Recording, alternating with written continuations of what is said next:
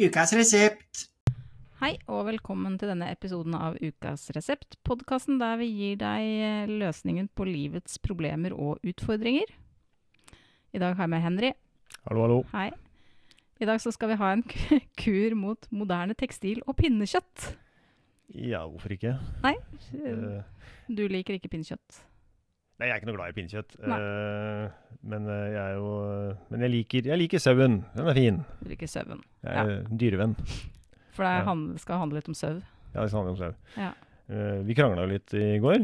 Uh, jeg hadde jo lyst til å ha litt sånn ulvedebatt. Ja, Men det, det ikke det egner seg ikke for, for podkasten. Jeg kan kanskje si meg igjen i det, da. Men uh, uansett. eh, jeg, jeg har i hvert fall tatt med en bok som, som, som er eh, en hyllest til, til sau. Ja. Og den, den passer eh, både for, eh, for folk som er glad i ulv, og ikke glad i ulv. Det, det er ikke så veldig viktig. Eh, det vil si, det er et tema i boka, da. Den er skrevet av Anna Blix, eh, og den kom i 2018. Den heter 'En hyllest til sauen'. Fortellinga om det lille dyret som bygde landet. Og eh, Anna Blix hun er biolog og er glad i sau. Og den boka den tar jo for seg litt hvor, i hvor stor grad sauehold har påvirka eh, landskapet i Norge. Mm. Eh, og hvor mye det har hatt å si. Eh, og det er ikke lite. Altså Det er eh, eh, Det har vært saueraser i Norge som, eh, som man kan kalle en slags ursau. da, Norsk ursau. Snakker vi liksom før spælsau da? Ja, du, eh, det, blir nevnt mange rare raser her okay. i, i, i, i den boka. Den, den rasen som er mest brukt, brukt nå, Mm. det er jo en rase som er uh, avla fram for å få mest mulig kjøtt. Så den er stor. Eh, den, den er stor, og en stor sau. De store hvite sauene som finnes nå. Og litt dummere. Ja, de, de er litt dummere. Det, altså? Eh, uttrykket 'dum som en sau', Ja. det er et moderne uttrykk. Ja. Mens uh, i gamle dager, uh, f.eks. på vikingtida, da, for eksempel, Mm. Ja, da var sauen den var ikke så dum, den. Det var en smart sau. Det var uh, små, hardføre uh, dyr som eh, Altså, de hadde jo rovdyrproblematikk også på, i gamle dager. Mm. Eh, men, men sauen var bedre rusta. Den, eh, den var flinkere til å, til å eh, komme seg bort fra rovdyr. I tillegg til at det også var litt mer gjeting og sånn, da. Ja. Det, det hører med. Eh, men eh, det som også blir er, man, man tar, altså hun, hun, er, hun, er, hun tar for seg ganske mye uh, i, i det boka. Altså. Det er, og det er en, jeg må jo også bare si at det er en, slags, det er, det en politisk slagside her også, uh, retta mot uh, den gang Altså regjeringen den gang, da, Erna Solberg, Ja. Uh, og i forhold til landbrukspolitikk, som hun nok mener er det største problemet, da. Ja. Men det er nok fortsatt gjeldende. eh, at det er eh, en politikk som har ført til et profittjag og et, eh, et kjøttforbruk. For det er jo fort gjort å tenke liksom at eh, de, ja, sånn som sauen, da, de eh, Ja. er til for at vi skal få mat. Ja, og så er det der, og så stopper det der, på en måte. Ja, ikke sant. Eh, nå nå snakka jeg meg litt bort her. eh, fordi vi, var- vi snakka jo om den der gamle sauen. Mm. Fordi hovedgrunnen til at man hadde sau i gamle dager, det var, det var klær. Ja. Altså, det var ull. Uh, og den, den uh, opprinnelige norske ursauen, da, som man da faktisk har hatt her i lange tusen år, uh, den, den hadde to typer Altså, den hadde en ytterull og en innerull. Og ytterulla, den var vannavstøtende og stri.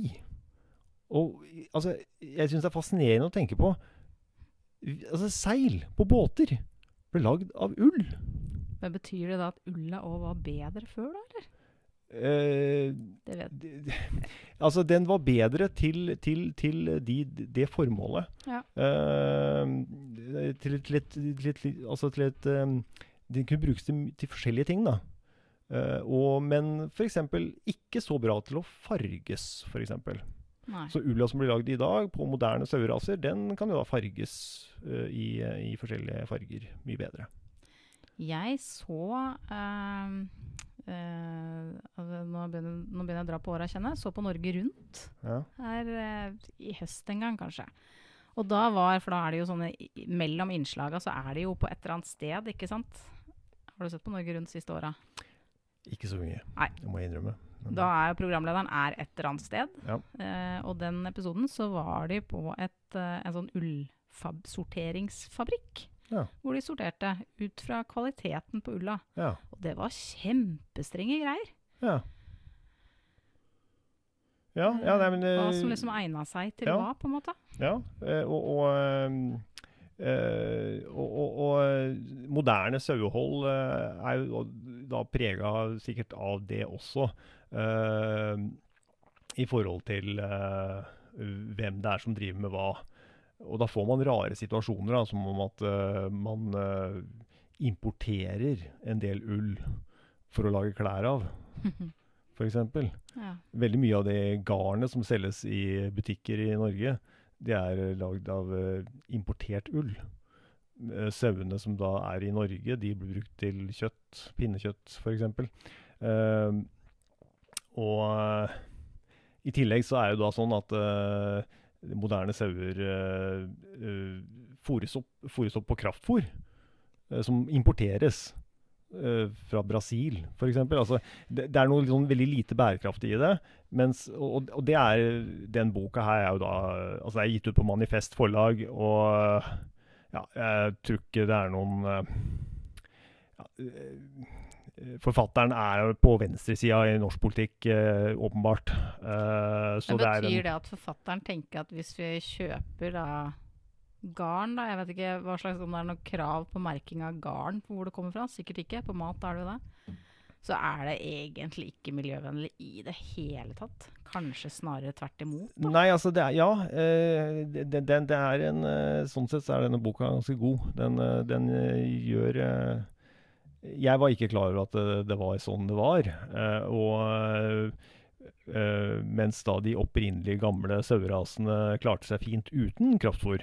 Mm. Fordi de skulle ikke bli så store og produsere så mange lam. Fordi de, skulle, de var ikke her hovedsakelig pga. kjøtt. De var her fordi de skulle gi oss klær. Ja. Eh, og skipsseil og andre ting. Ehm, så eh, Og, og eh, konsekvensene ved at man har gått over til andre saueraser som eh, i mindre grad er ute og beiter, det har gjort at eh, hele landskapet i Norge har jo endra seg. Mm. Uh, og det har hatt igjen konsekvenser for andre plante- og dyrearter. Så boka er absolutt et forsvar for et gammelt kulturlandskap, da, som på mange måter har vært et landskap som har vært i Norge i ja, mange hundre år. Vet ikke, kanskje altså bønder er, på en måte er mye tettere på denne problematikken enn vi som uh, jobber på bibliotek, f.eks. Helt klart. Og, og øh, jeg Nå nevnte jeg jo at forfatteren har en politisk ståsted. Eh, jeg, jeg vil som sagt igjen anbefale boka uavhengig av hvor du står en politisk, faktisk. Eh, det er noe ålreit å hente her. Eh, rett og slett. Den, er godt skrevet. Uh, hun er jo da biolog og fagperson, men uh, formidler veldig godt. Det er, det er lettvint å forstå. Var du i utgangspunktet veldig opptatt av søvn? Absolutt ikke. Denne her boka ble anbefalt av meg av vår felles kollega Thea. Uh, hun, hun, er er, veldig opptatt av ull, hun, hun er veldig glad i ull. Hun er opptatt av ull og strikker, og, og, hun er også kanskje veldig glad i sau. da. Jeg hadde egentlig håpa å ha hatt en, eh, en liten ulvedebatt med henne. For hun, er, hun syns jo ulver er liksom udyr, mens jeg syns ulver er fine. Men, men, men boka har også, den boka har fått meg til å eh, bli litt mer glad i sau. Ja. Men man kan være egentlig glad i begge deler. Jeg er glad i alle dyr. Ja. bra. Så det var den boka der. Jeg anbefaler den. Jeg kan nevn, eh, si nok en gang tittelen, da. 'En hyllest til sauen'. Fortellinga om det lille dyret som bygde landet. Av Anna Blix. Jeg har òg en bok om sau, men kanskje ja, det her, eller ja, jo, det er kanskje litt politisk det òg, men ikke sånn som din. Eh, den heter 'Mitt liv som sauebonde', skrevet av Kjell Ola Dahl. Som Han er vel mer kjent som noe sånn krim og sånn? krim. Ja, han er krimforfatter. Men han uh, hadde da odel på familiegården. Og gikk nok um, eh, på Torgunrud ved feiring. Um, men han vokste ikke opp på den, det er besteforeldrene som bodde der. Han var der i sommerferier og sånn. Men han hadde ikke tenkt at han skulle overta gården, før han ble sammen med Marit, som er gartner. Eh, og så begynner de etter hvert å tenke at de skulle jo ha bodd på et småbruk eller litt på landet. Eh, og så bestemmer de seg etter hvert, for, eller bestemte seg for å ta over den gården. Eh, det var ikke sau der i utgangspunktet, så de eh, prøvde litt ulike ting. Og havna på at det var sau de ville drive med. Eh, og grunnen til at man skrev denne boka, da, den kom i 2023. I fjor, altså.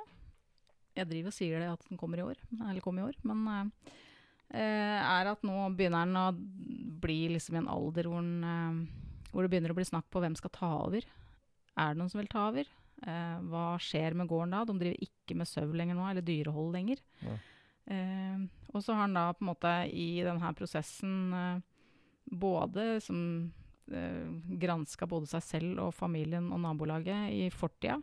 s- for å liksom kunne se hva, hva er best for framtida.